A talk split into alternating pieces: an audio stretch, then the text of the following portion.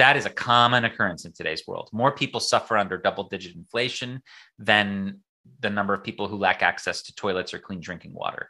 Um, and yet there is no UN group to tackle this. There's no UN body to tackle uh, extreme inflation. There is no like extra, you know, alphabet soup organization out there to help. There is no uh, because those organizations are the ones often inflicting the inflation. You look at the IMF and the World Bank. The IMF has been the one often often to force inflation upon countries. Like if you look at French West Africa as an example. Du hører nå på Bitcoin snakk.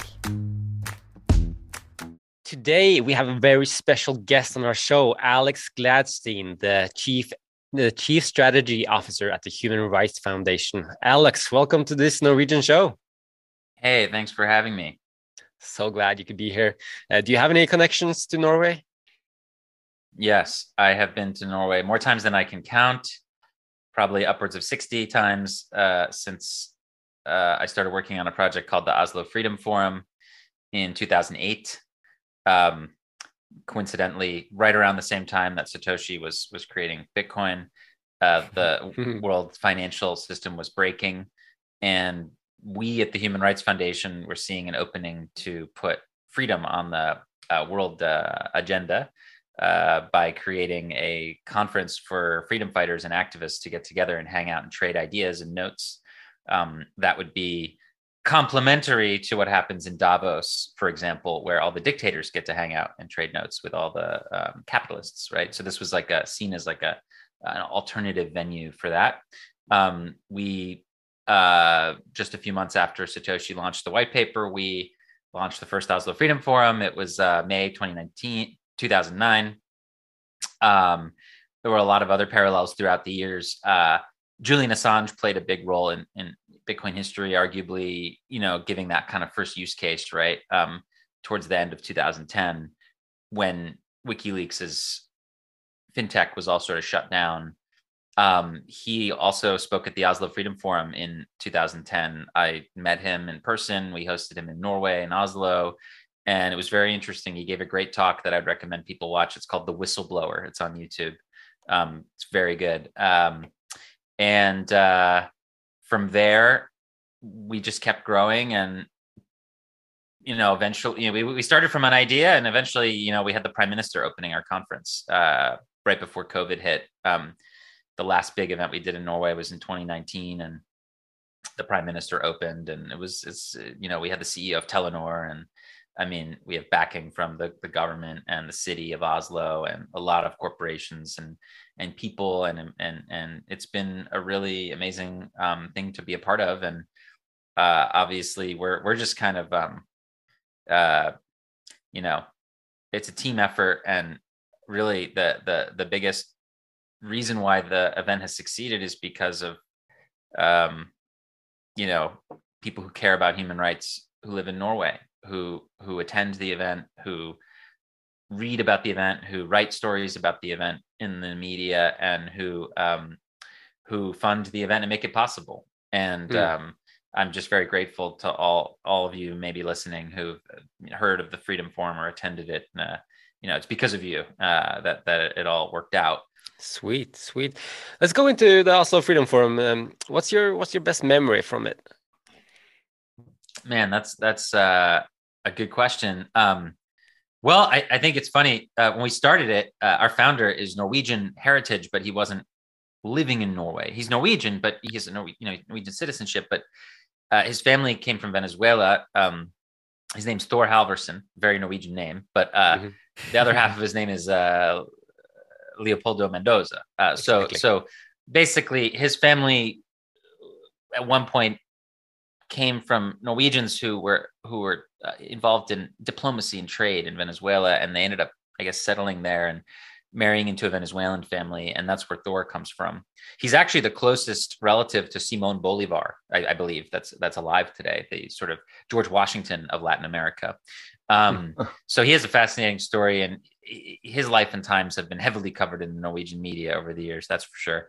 Um, he's he's definitely been uh, controversial, let's say, provocative, uh, which has been a lot of fun to to to watch him as he's really pushed this project into existence, and just to be part of that has been interesting. But I remember uh, in 2008 when there was no Freedom Forum, we actually like just found a bunch of people that we thought were we, we, did research and we found some people in Norway who we thought would be open to the idea of doing a freedom event, and we just faxed them. We used a fax machine and we uh, we cold faxed like a whole bunch of people. Cold and, faxing, never heard of that before. Yeah, well, just like uh, yeah, just like faxed their office and like one of these people uh got back to us and was like one out of like all these faxes we sent um and was like i would love to meet you and uh they met thor and ended up being one of the key sponsors of the event. And it's just like that was an interesting moment um that someone would take a chance on that.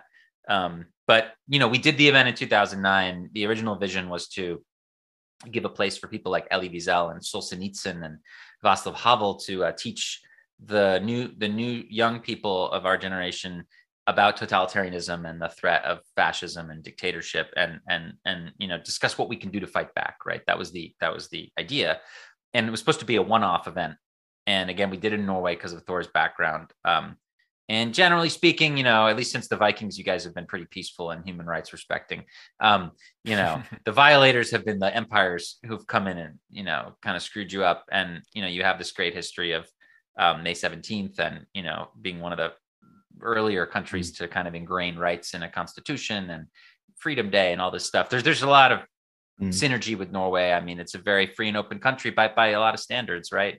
Um, I think there's many more people that would rather live in Norway than Norwegians who'd rather live somewhere else. So um, I think that um, it made sense, and we went there. We did it. Uh, it was a smaller event than it is today, and people were like, "Do it again." So we came back, we did it in 2010 uh, to a much larger scale. Again, we had people like Julian Assange, Peter T. I mean, we had one session where we had Lech Walesa, who won the Nobel Prize for Solidarity Movement in Poland. Um, he was this opening speaker. And then Peter Thiel was in the session, and Julian Assange was in the session, and Kasha Jacqueline, who's like a, a LGBT activist from Uganda, was in the session. That was pretty memorable. That 2010 event was opened by a Uyghur who gave the keynote speech. Her name was Rebiya Kadeer, known as the Dragon. Uh, I think that what the heck do they call her? Um, uh, dragon dragon fighter or something. Basically, she used to be one of the richest people in China, and she went into the Chinese parliament and parliament and um, testified and uh, against the treatment of Uyghurs, and then was thrown in prison. And they were like torturing her sons on either side of her, horrible stuff. Hmm. she eventually made it out and escaped and and she was the speaker that year and that was before anybody said anything about uyghurs like 10 years mm before so we we were ahead of the curve on that and a lot of other issues and we're just trying to inform the public through this event about what's happening around the world um, and we we like to focus on places that the media doesn't talk about we've had a lot of speakers from countries like laos uh, for example uh, or countries like Swaziland, uh, uh, countries that Eritrea, places that like the media doesn't cover for whatever reason. We like to bring that to light. Um, and over the years, we also tried to make an event that was like powerful. Like most human rights events are horrendously boring, and like they're in a mm. room with like a, it's like the lights are on, and just someone's lecturing, and it's usually some old white person or whatever um, and not like someone from the country that they're talking about, right? And that that led a lot of people in Norway actually to like, I think, um, have these like favorable opinions of like places like Cuba and Venezuela at that time, because they didn't actually have firsthand experience, you know. Um, but I think this event played a role in some opinion changes over the years uh, on those topics, and um, we ended up being able to make the event into like something that was cinematic. So today it's like you go in this thing, it has this incredible, we have music and art and like it's incredibly powerful. We have a hundred foot screen and it's like we take the topic of freedom and make it really entertaining and powerful. I mean, we've had standing ovations, we've had people crying and it's cool, man. It's it's really fun. Mm. So um yeah, this is the 14th year. We we had to take a year off because of the pandemic, make it online. Jack Dorsey gave the keynote to that conference, which was pretty awesome. Um, that was two years ago. This year we did it in Miami because we couldn't do it in Norway, sadly, because uh, mm. of just too many restrictions. It was awesome in Miami. Um, we had some killer talks. We we we had an opening talk from a Nigerian DJ who's very famous who talked about the protests yeah, down there. you know, uh, we had Navalny's head of investigations give this incredible talk about. She was on the plane when he was poisoned, and so many great talks about all, all stuff all around the world. Um, and uh, so the the event has evolved over time. It's always had a focus on technology. Starting in 2013, we started to train and, and educate activists about how to use encrypted messaging, how to use VPNs. Um, and then in 2017, we started to fold Bitcoin into the programming. Uh, and it grew and grew and grew a little bit by bit. And now and by now we have a full scale bitcoin academy as part of the when you look at the conference program it's like one of the tracks. Yeah so, i just uh, bought yeah. tickets to the venue because it's gonna be great. uh, yeah it seems really interesting. Yeah i mean like i i i i will we will reveal the program in early march but i'll just give you a sense like these were the speakers at um that are Bitcoin related at our last two events. Uh, you know, we had Elizabeth Stark, Jimmy Song, Jack Dorsey, Stefan Livera, uh, Peter McCormack, Nick Carter, Matt Odell, um, Fode Diop, Roya Mahboub, uh, Farida Nabourema. Like we, we had a really great roster of people um, there uh, to, to meet activists and to tell stories and, and to, I mean, Miles Suter, uh, um, we had Ray Youssef. Um, we had um, uh, the whole 18. Aaron, Aaron, Aaron Van Wirdum from Bitcoin Magazine. Uh, and, and then, you know, folks working on cool projects like Paul from Sphinx and all kinds of people working on lightning stuff. Um, so it's been, it's been, it's been good. And, and I, I, I, I promised to bring a really great group to Oslo in May. And we're going to be there for four days. Well, you know three days but you know people get in sunday you know monday tuesday wednesday. It's going to be really fun. So i would definitely encourage anyone listening who lives in norway who's interested in bitcoin or freedom. I mean we make we try to make the day tickets very affordable. They're not that expensive. Um, and that gives you access to everything you know except for the evening program um, we make the evening program very expensive so that you have to pony up to come to the dinners and, and cocktails and stuff but uh but uh, that's the way that's that's that's how we can sustain the event um, hmm. so it ends up being you know three four hundred people kind of like a big wedding size for the for the for the evening events which is always really fun mm-hmm. and then the daytime it'll range but I'll probably have anywhere from 800 to 1000 people in the theater um, and uh, it, it, it's just great because most you know look a lot of the people who attend aren't from norway they fly there they make a big investment of their time and energy. They're very present mm. when they're there for various reasons. They uh, their time zone is behind them. So like usually, you know, for most of these folks or ahead of them or whatever. So mm-hmm. when they're morning afternoon in Norway, no one's emailing them or calling them or anything. They're like free, right? And then they don't really know anyone in Oslo, right? So there's nothing to. It's not like having an event in New York or Paris or or Miami. I mean, they don't know they're not going out to parties and stuff. Um, they're with us the whole time, mentally and physically. And then it doesn't get dark out. So it's like we end dinner at like 10 and it's everybody's like, where are we going next? So there's this really vibrant, fun after party um, element to it that that that's been legendary in my opinion um, over the years. So and that will continue. Um, so yeah, I mean, you you know, tickets are, are what they are. And look, if if, if a, there's a student listening who can't afford the uh, day ticket, just write to me and we'll we'll get you in. You know, Alex at hrf.org. We'll figure it out.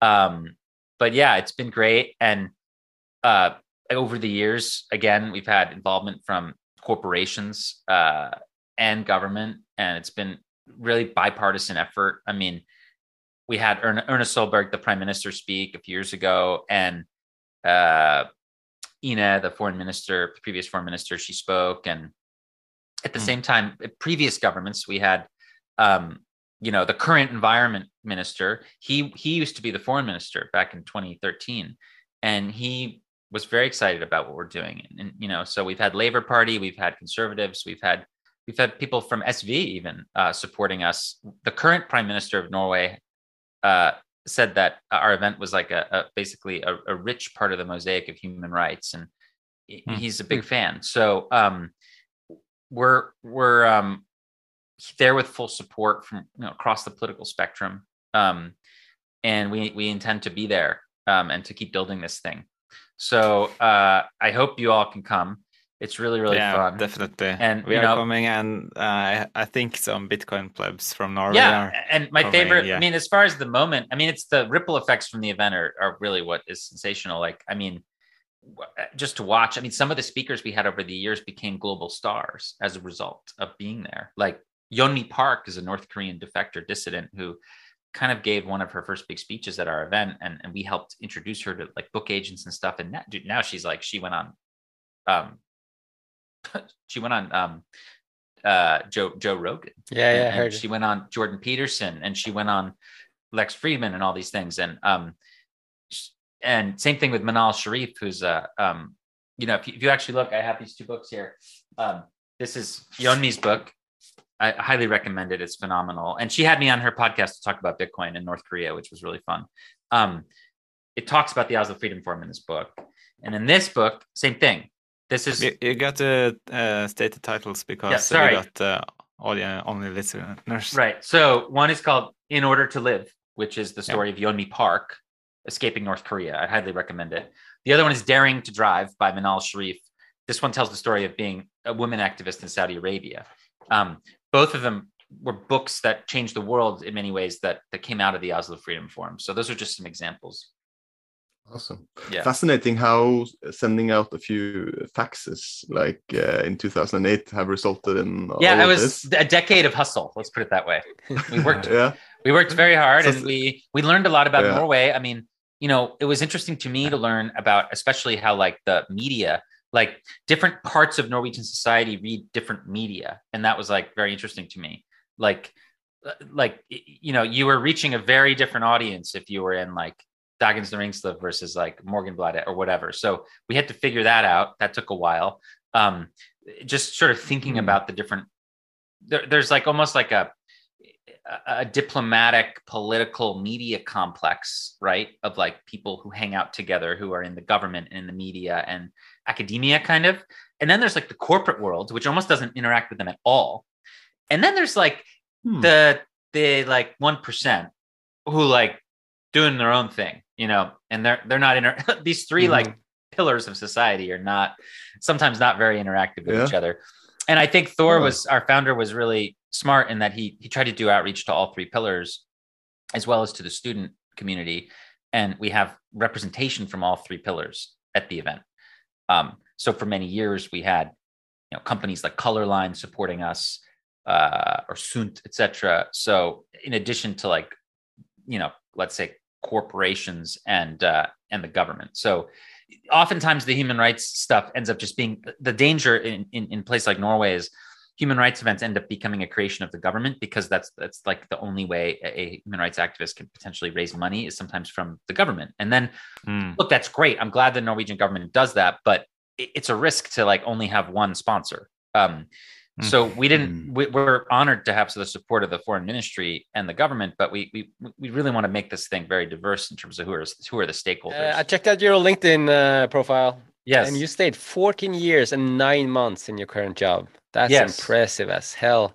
yeah Uh, how did you become interested in human rights? I'm 36 so I, i'm a child of like two main events that shaped my worldview 9-11 and the- war in iraq The- these things were like very formative for me when i was a teenager um, and i got very interested in what why did we invade iraq what, what the hell was that all about and i i, I studied political science and international relations in college as a result and I've now learned a lot more. I, I, I've learned more studying Bitcoin about that stuff than I ever did in college. But um, it was a good like jumpstart for my career.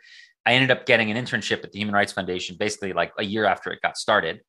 Um, and uh, at the time, it was the financial crisis, so like there weren't that many jobs. It was tough, but I got one, and I was I was started full time in 2008. Um, and was thrilled. And we I worked on Cuba stuff. I worked on helping get smuggle uh, things like V for Vendetta dubbed into Spanish into Cuba. It was like awesome, really fun job. And then I started working a lot on our North Korea program, on our Oslo Freedom Forum program. We have a, a lot of different programs at the Human Rights Foundation beyond the Oslo Freedom Forum, but this is kind of like our flagship event, let's say. Uh, but I shipped in uh, memory drives to uh, or flash drives. Yeah, I got to North go Korea. to North. I got to go to Korea and go to the DMZ and float balloons full of. Uh, oh, or, that's you know, how you did it. C- carrying payloads of information uh, into North Korea, and uh, I, I personally have attached a GPS tracker to one of these things and watched it on my phone as it went over North oh. Korea to Vladivostok. So I, I know the, that the, the balloons. Yeah. So what? I, so we were like very interested in do these work? Like do, do, the balloons basically are like these big. Um, uh, this is a historical thing. Like the, the West Germans used to float balloons to East Germany. There's a song about it. Yeah, 99 red balloons. So and, and then mm. um, the, the Korea the Koreans copied this. So both the North and South Korean they were both dictatorships for a long time, and they were fighting info wars against each other and they, they would do these balloon wars I, I, interviewed a north korean defector whose job it was to shoot down the south korean balloons coming over in the 90s when they were it was a government project the government would send over stuff like sports stuff porn all kinds of crap to, to like just Even open porn. the mind yeah all kinds of stuff um, hmm. unfortunately after the korean government did this thing called the sunshine policy they changed their whole opinion about north korea they be, they've tried to be like brotherly now, which I think has been a disaster for human rights. But the point is that like they hmm. stopped doing the balloon stuff, so it was left it was left to North Korean refugees basically to do it and we've been supporting them and we were like trying to judge the efficacy of this thing we're like wait did that how does this, this seems a little far-fetched like does it actually work so i remember a friend of mine you know we went to like rei bought like a bunch of these gps trackers and we had heat hand warmers around the heat because because it gets so cold in the air. Uh, we would wrap the hand warmer around the, the GPS tracker, and it was. I mean, this is a costly endeavor. I mean, it's like a hundred dollars for one of these things, but you have this huge like weather balloon, which is like filled with gas, and it, it it's floating up, and then the, the, it's attached to a garbage bag, essentially with like pay leaflets, um, DVDs, money, like dollar bills, candy, mm. food, whatever. And then when the wind is is blowing the right way, uh, you and that's hard to ascertain because the wind at a thousand feet is different from the wind at 5000 feet they go in different hmm. directions mm. so you need to like so these people like map it out they, they're like they pay attention to meteor, meteor meteorology and stuff and but i've been on that border looking into north korea and i've floated this thing over and i've watched it as it went I, I like i can verify personally that that, that it works like it cool and, and the way cool. it would be an acid timer so like after like an hour or whatever uh, the bag would open and then like the stuff oh, would all drop with acid. Cool. Yeah. So I could tell you that stuff worked, but you know what? Like we decided it was more efficient to to to, to support people uh, working uh, on the border with China. So that's kind of what we do now. Most mm. of the flash drives with information and terabyte, like the hard drives and the smartphones and tablets that go in, go in over the Chinese border through through commerce and trade, and and that way there's no like lost waste. It's just all everything is highly desired, and that's how like a lot of this stuff gets in. So that's our Flash Drives for Freedom project, which I worked on quite a bit uh, over the years. We've had a big Nor- North Korea focus, and in fact, a couple years ago, we brought. Uh, I remember it was amazing having Tae Yong Ho in Oslo. Uh, he he's the highest ranking diplomat to ever escape from North Korea. He escaped in a dramatic um, movie like Hollywood style thing in in London. He was the deputy at the uh, British embassy for the North Koreans have in London. And one day he just took his family and they just went to the South Korean embassy. Um, and it's like this crazy thing was all in the news. And what was crazy is earlier in his career in the 90s, he was stationed in Scandinavia. So he he was like talking about how he was walking the same streets but with a different mind. Like when, when he was in Norway earlier in his career, he was brainwashed and he was like a, a propagandist for the North Korean government and he was walking around in Oslo trying to convince people that North Korea was great. Um, now he gets on stage at the Freedom Forum and he's talking about how he like figured out that the world was a lie and all this stuff, and it was it was crazy. And someone tried to milkshake him. Uh, there's a lot of pro North Korean people in, in Oslo, bizarrely still, um, and uh, it's a strange thing. And um, we were in the lobby. What's of one milkshake? Of the, so milkshake is a milkshake. thing that came from the internet where like if you don't like somebody, you throw a milkshake at them. Oh, yeah, yeah, yeah. So he was standing mm. in the hmm. lobby of one of the hotels we use, and someone came up and like freaking, you know, milkshaked him. Um, so I think that person got arrested. But um, the the point is that uh, yeah, we I mean we've had some yeah we've had big time activists. like the when, when I 2010 when we did the event, the president of Russia at the time, or the prime minister of Russia, um, uh, well, this was when Putin was doing the musical chair thing. So this was uh, Medvedev. So he was staying there at the same hotel as us. So we had all these like Chechens and all these activists. Kasparov was there, and it was so crazy. So there was like snipers on the roof, and Assange was there. It was it was really Sick. intense. So it's fun. so we we seek to bring that level of drama every year. Yeah. Yeah, there must be a lot of really powerful people who doesn't sort of like what you're doing. Have you um, met yeah. any resistance or any like uh, sabotage? Well, I mean, or... look, there are people in two areas of Norwegian, I would say politics and society that don't like what we're doing. One would be on the corporate side, people that are doing business with China. They don't like what we're doing. Uh, um, and that's sad because obviously, since the, I mean, the Liu Xiaobo thing was amazing. I mean, the Norwegians giving this prize to, to Liu Xiaobo, but then in the decade since, it's been like, I mean, total capitulation from the Norwegian business community. It's been so sad to see people that I know who I used to respect you know, going to going to China, being excited about it, and like partnering with the Chinese on all this stuff. And it's like there's a genocide happening there, people. Come on. So so yeah, we are Bitcoin plebs. We obviously want to dive into Bitcoin as well today. Um, and uh, why do you think money is important when it comes to human rights? Yeah, it's a great question. I don't think it's explored enough every mm-hmm. major event in history relates to money. I mean, you can just look back over the last hundred years. World War One uh, was sort of waged in a way that was only possible because the money was changed from the gold standard to the fiat standard. Um, World War II, one of the outcomes of that was our current dollar regime, right? In the 1970s, the US went off the gold standard for good as a result of the Vietnam War expenditures. Mm-hmm. In the 70s, as a result of trying to stabilize the dollar, finding people who would buy American debt, we did a deal with the Saudis that has forever colored energy markets in the world ever since.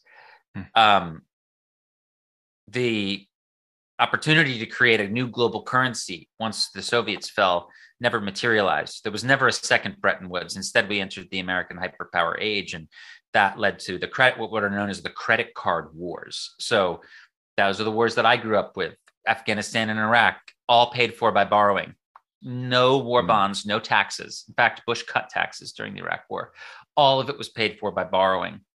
So money has animated every every big picture event you know, in the let's say like European American history over the last hundred years, and globally too. I mean, you look at China; they were on the silver standard, and that didn't work out so well from the beginning, about hundred years ago.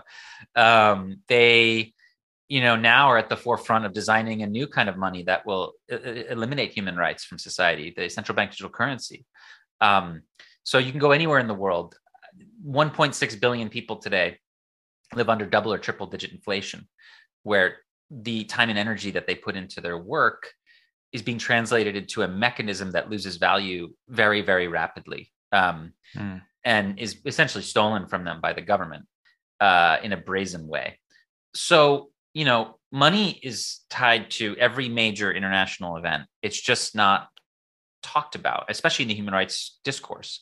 Like, we didn't have talks at the Oslo Freedom Forum for a long time. Mm uh, you know, until very recently on like currency or like money or like payments. Like it just wasn't seen as like part of it, which you realize is it's very, very deeply tied together. Is it so that in countries that have uh, huge inflation, the money ends in the leaders' pockets instead of uh, going back into building infrastructure and uh, uh and to the people, so to say?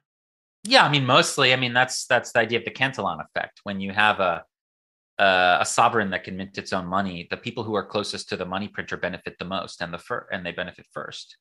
That's mm. on display in Europe and America as well, but but like in an exaggerated way in places like Venezuela and Turkey and Iran and Nigeria, etc.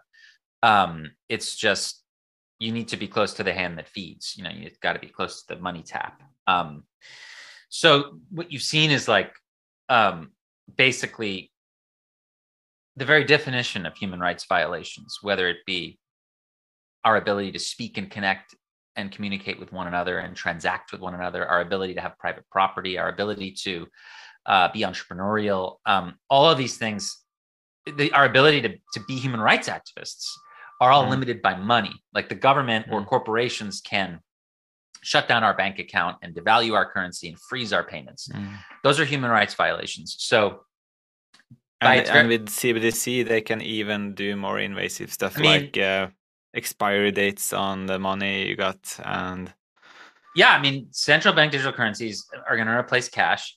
Paper money is still a human rights tool. It gives us privacy. It gives us a way to like mm. do business outside of the government.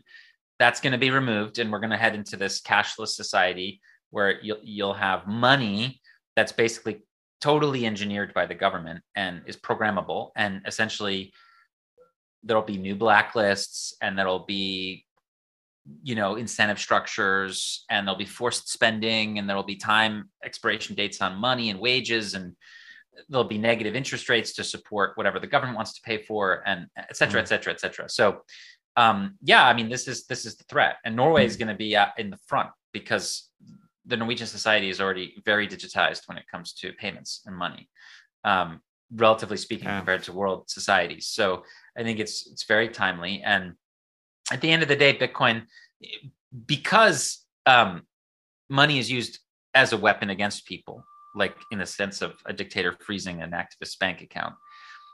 That is why Bitcoin is a tool for human rights. So Bitcoin allows you to fight back. So wherever you are in the world, anywhere you are, it doesn't matter what your skin color is or gender or nationality or passport you hold or what level of wealth you hold, you can use this open source software on a phone or a computer and you can participate in this non-discriminatory neutral monetary network where the same rules apply for everybody. Today the same rules don't apply. We have dollars and crowns and it, it, it be, people get screwed over at different rates like americans tend to be the most privileged Norwegians are pretty privileged, but like the first time I went to Norway, a crown got me uh, was basically like five crowns to a dollar. Not anymore. I mean, I think it's like what ten now. So you guys have had a fifty percent currency devaluation against the dollar in the last decade. That's insane. And and now think about Turkey.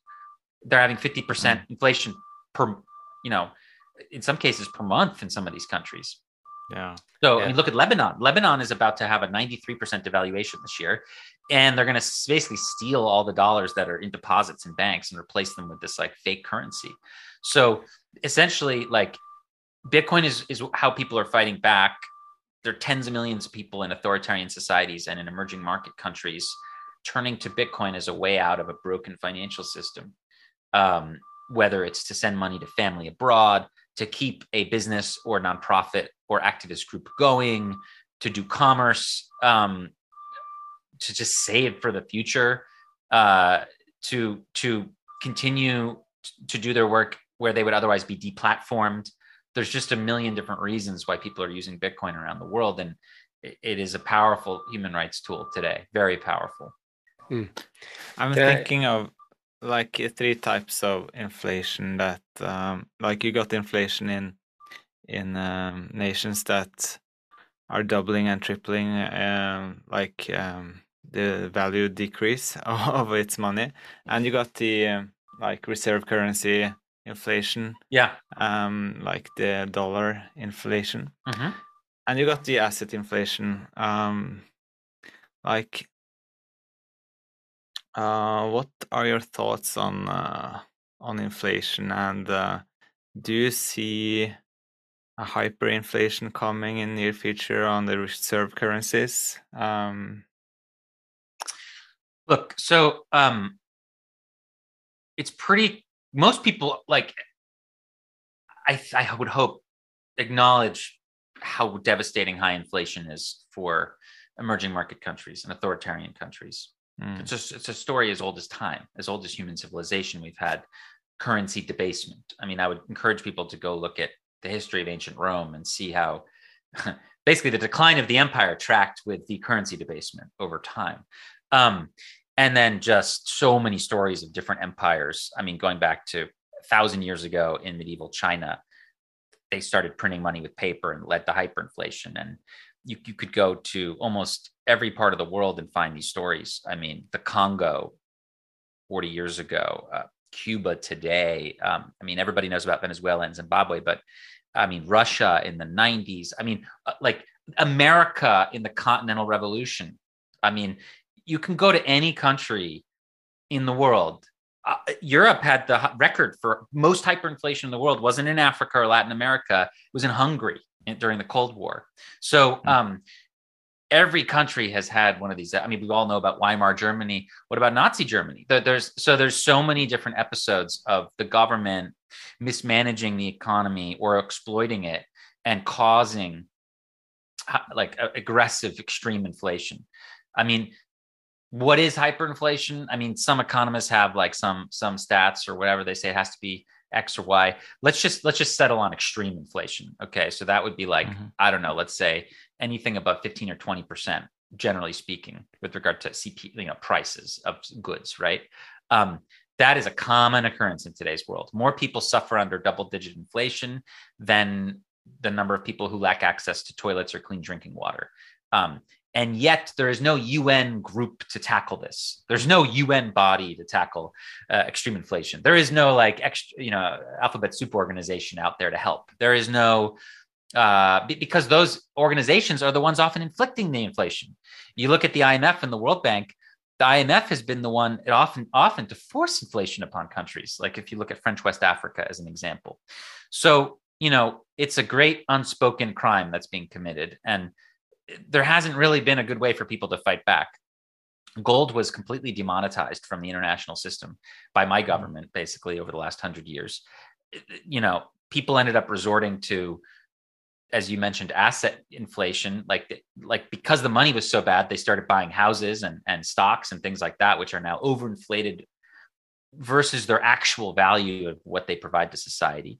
Um, and the dollar has become a treasured asset for people in a lot of these countries around the world, even though it even inflates, what, 7% last year, um, just because it inflates the slowest. it's like, you know, it's a game of like, how do I get uh, poor the least slowly? I mean, essentially. Mm. And and mm. and the one and the one percent has been able to ruthlessly exploit this. I mean, the one percent in America. Mm. I mean, you know, I don't Bitcoin is is not a redistributionary phenomenon. It's not going to solve equality of outcome. However, mm. what it does solve is monetary equality. And, you know, that means we don't have, since the early 90s, the 1% in America, their wealth has gone from 24% of all the wealth to, thir- to, to a third, to 33% or so. So you, the 1% has basically upgraded their uh, holdings of the wealth in America from a quarter to a third as a result of easy monetary policy and asset inflation. Um, so wherever you've been in the world, this has been a problem. Yeah, and the general public hasn't been part of that asset inflation uh, by large. Well, you know, look, some some have like about half of mm-hmm. Americans own stocks, right? You know, like, mm-hmm. but like half of them don't. You know, so it depends on where you are in that slice. But mm-hmm. like looking at the middle of American society, like the middle twenty percent, uh, they their wages and livelihood has essentially been flat since like the 80s okay in real terms. Um, whereas the top 10%, the top 1% have been killing it. Like you're in mm. technology, finance, banking, like real estate, you've been crushing it in the last 20 years. You're a farmer or you're like in manufacturing, it's been a really hard time. So it really depends on what your place is in society. Like where are you in mm. in and it's been it's been not great for most people. It's been really great for some people. Um, mm. and that is that's a result of uh, financial privilege again whether it be within your own society or globally speaking and now we have the opportunity to have this asset or this money that has equal rules for everybody and is open to anyone and no one can be shut out of it and a billionaire and a refugee are the same like in the eyes of the protocol hmm. like the, the billionaire of course has more bitcoin but the billionaire can't stop the refugee from using bitcoin billionaire can't steal any money. Billion, billionaire cannot call the CEO of Bitcoin and like change the rules to favor them. No, no. this is. Mm-hmm. I mean, maybe this is what happens. In, in, yeah, this is what happens. In, yeah, absolutely. But like, this is what happens in fiat currency. Like the billionaires can call the government and like push for to be saved. I mean, this is why Bitcoin was created. If you look at the Genesis block, I mean, Satoshi was not creating Bitcoin because of a privacy concern or surveillance concern, although that is part of the cypherpunk story. It was because of bailouts. Like he, she, whoever they were, thought it was unfair that the average person pay for the mistakes of the corporate sector. That's really at the heart of what Bitcoin is. So, really, at the end of the day, it's all about money.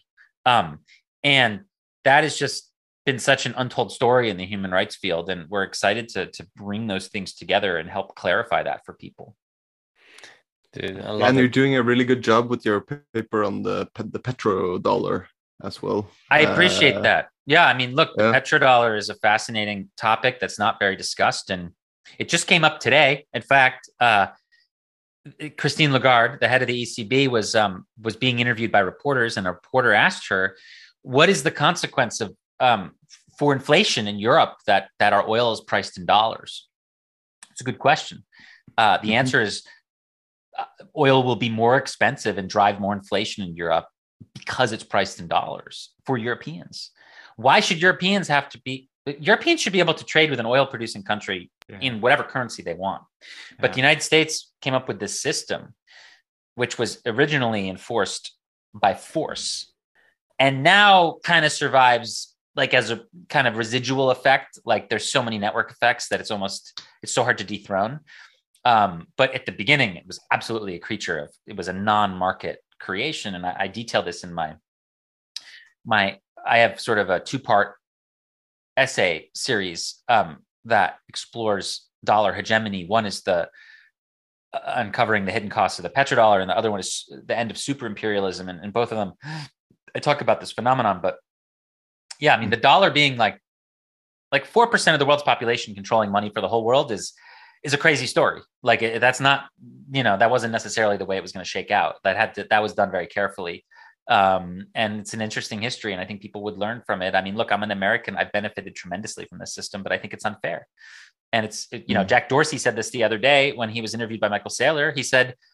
it's just not fair that like someone in nigeria their lives are are are, are basically dictated financially by what somebody in washington says or somebody in new york says it's not fair so you know we yeah, have we have like, a new system when you're printing dollars in the states uh like they don't benefits. care about you like nixon oh, was famous yeah. for saying nixon has a quote i quoted this in my paper when people were like well aren't you concerned about what's going to happen with dollar devaluation nixon said mm-hmm. i don't give a shit about the lira somebody was asking about uh, italy one of our trading mm-hmm. partners he literally said i don't give a shit about the lira so that's that's i mean you know, we um, as Americans, we got other countries to pay for our wars over the years by buying our debt. We wrecked Japan when they became too much of a threat to us through creating an asset bubble. anyone should watch Princes of the Yen to learn more about that. It's shocking. Um, we forced Germany to pay for our stuff and to pay for our invasion of Vietnam un- unwillingly.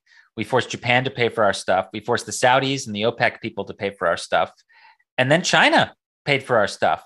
And guess what? They're not paying for our stuff anymore. Uh, foreigners are are not buying nearly as many treasuries as they used to buy, and that that ended about eight years ago. And and now we, my, my government is the majority buyer of its own debt. So we have like major central planning when it comes to the debt markets in America. We have the Fed, the Central Bank of America, aggressively intervening in not just the short term, but the long term bond markets. So the price of American debt and our ability to borrow to do things like fight forever wars is kept low by government intervention in the bond market. And who pays those costs? The population does in terms of over time currency devaluation. Um, and the interest is borne by future generations. Like these invasions of Asia and Iraq and Afghanistan, we've already paid a trillion dollars on interest alone from the money we borrowed to pay for those wars. That's insane. That trillion dollars could have been spent so many other ways to help our own country. Um, and these these credit card wars are a problem. Um, war used to be something that was part of society. Like people used to um, be involved and and be and war was popular. Like like if you look at opinion polling, I mean, war was financed by taxes and by war bonds. Like like the population knew what was going on.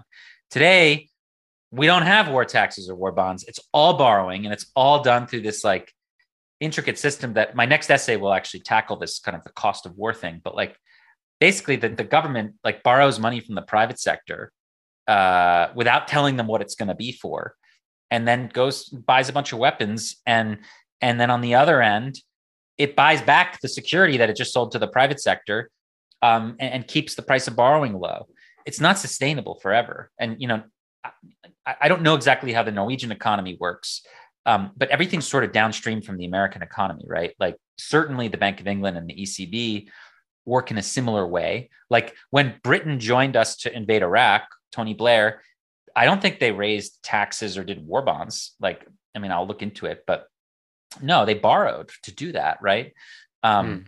So, you know, like generally speaking, when a country gets it borrows too much, uh, its currency starts to devalue. The exception would be Japan, um, but there's a I think there's a good explanation for like Japan has you know how Japan has a higher a, a debt to GDP ratio two x the Americas, mm.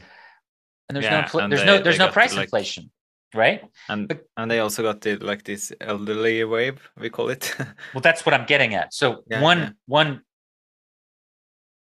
one partial way of explaining the mystery of Japan is the fact that if you think about an economy as an organism, Japan's is dying. Like the country is shrinking. Like it's mm. that's a powerful deflationary force. Like basically the workforce is shrinking. Mm. So the economy is shrinking over time. Mm. So they can they they can try to do a lot of inflationary activity, but it, it's it's hard to mask the shrinking of an economy. So mm. that to me helps explain Japan. But everywhere else, I mean, you, you get you get eventually you get inflation or you get asset inflation. I mean, and even in Japan, like it's so crazy. The the government owns half the stock more half the stock market. The government owns 70% of the government bonds. So those markets in Japan are completely manipulated. Like if there was no government buying of stocks and bonds, they wouldn't the Japanese stock market wouldn't be worth much. I mean, it's so crazy. And that's the case with America too. Like our monetary policy has been pumping up these stocks in a, a non-free market way. Like there is no way the stock market would be where it is today without government intervention. And I know that our government doesn't actively buy stocks, but what it does is it actively buys what are considered the savings mechanisms of Wall Street, which are the treasuries, and it takes them off the market and, and brings their yield down. And therefore, it pushes everybody out on the risk curve. So they're going out and investing in CLOs and equities and all this other stuff. And it forces like pension funds and countries like yours, sovereign wealth funds, to, to get more risky. Because if we're if we're taking the safe asset that used to, used to deliver five percent a year, and we're bringing those interest rates down to like one percent or zero percent um, to pay for our wars and stuff, uh, then the private sector is going to have to look for other options, and they're going to get much more risky. And that describes the current predicament we're in. It's really crazy. So no matter where you are, whether you're American, Norwegian, or from Zimbabwe, like money is a human rights issue and it matters. I mean, especially as we go into this fully electronic age where, you know, money is all digital essentially, and we have surveillance capitalism and Big Brother. So it doesn't matter whether you're left wing or right wing, like you have concerns either way. Like either you're concerned about big tech or big government, right? And it's like, or both, um, like me. But at the end of the day, like most money that we use today is is not even. I mean, you have money like base money, right? You have um, you have cash, which is a liability of the central bank, right? Paper money, metal money, and then and then you have you have bank reserves, which are a liability of the central bank, which are which are held by big big banks, right? Um, and then you have like the money that most people are accustomed with, which is which is essentially like what we'll say, you know, commercial money, which is which is loans that ba- banks create money. Most of the money in, in, in the in money that we properly understood is, is created by private actors, not by the government, by, by banks. They, they extend loans and create deposits, etc. Um, but that's not even the money that most people use day to day. Most people are using a subsidiary of that uh, in fintech mm. companies. So most people are just using like Apple Pay or Alipay or Visa or whatever, and we're just interacting on like ledger, private ledgers of of companies that have bank accounts that have accounts with the Fed or whatever with the central bank. So we're like way down this like uh, hierarchy of money, and they just know so much about us. And every time you make a transaction with a credit card, you're, you're selling all this stuff to the data markets your last transaction your potential next transaction we're opening mm. ourselves up to social engineering so the ability for us to create an online economy where we can use for example the lightning network to build uh, an economy that that is similar to the old economy where when I bought something, the merchant doesn't know my name or my address or my phone number or anything about me. They just know that I paid. That's totally fine. The idea that like that's dangerous is absurd. That's like the way the world used to work. So I refuse to accept this notion that like every transaction the government needs to know. It's a KYC AML mm, regime. It's like totally NGMI. You know what I mean? So um, okay. yeah, that's where we are. So, so we got five minutes left before we got to shoot off. Um, uh, can we do some rapid questions uh, to wrap it up? Yeah, let's we do got, it. Still got some questions we we would like to cover. Um, so really, really, really rapid. How is Bitcoin helping people in emerging emerging economies today? Well, number one is digital gold. It acts as a, a, a hedge against de- currency devaluation. Yeah, people uh, might forget if you have you know access to stocks and real estate and you're middle class or upper middle class in Norway or something. But I mean, remember, Bitcoin is up uh, 4x in the last 18 months and it's up 40x over the last five years and that's been a return available to literally anyone in the world with a smartphone. And a lot of people uh, took advantage and a lot of people have benefited massively in places like cuba nigeria from that insane rise in value whereas their currencies have gone the other way. Um, have, have so you met anybody that has that story people, tons of people i've interviewed them i've written about them but like that everywhere from cuba to to venezuela to to nigeria to sudan um, and it's digital gold and it's digital cash. It's also allowed people to, to seamlessly do commerce or remittances around the world outside of the banking system. So in emerging markets, those are really the two big um, use cases right now. Hmm. Does this uh, mean uh, came for the quick gains, stayed for the sound money? I guess we can reverse that when it comes to like people with uh, who experience um, hyperinflation that that a lot of yeah. them come for the sound money well, and then they get the the quick gains. Uh... Yeah, I mean, look, they're one and the same. I mean, look, Bitcoin is awesome for a lot of reasons, but ultimately, the reason why it works is because because it's sound money. It's predictable. It's known. Mm. There's no secrets. Like we all know how it's going to work for like the next hundred years. That's at the root of everything that makes it possible. There are a million mm. reasons to be interested in Bitcoin, including from what I touched on today. You know, ranging from fighting surveillance to um, doing better global commerce and all kinds of things. Um, mm But at the end of the day, its value proposition and its foundation comes from its monetary policy, which is different from fiat. Hmm. Dude, awesome. So glad to have you on, Alex. It was a pure joy and a pure um, a, f- a shower of knowledge. It was great. yeah. well, I hope you guys can come and do a lot, some live shows at the Freedom Forum in May. That would be great. We're up yeah. for it. If you want us, we uh, uh we absolutely. Can, we'll get you guys media passes. We'll hook you up. Dude, that'd be great. Awesome. That'd be great. All right. All thanks right. a lot for well, coming, Alex. Have a good thanks one. Thanks for having me on.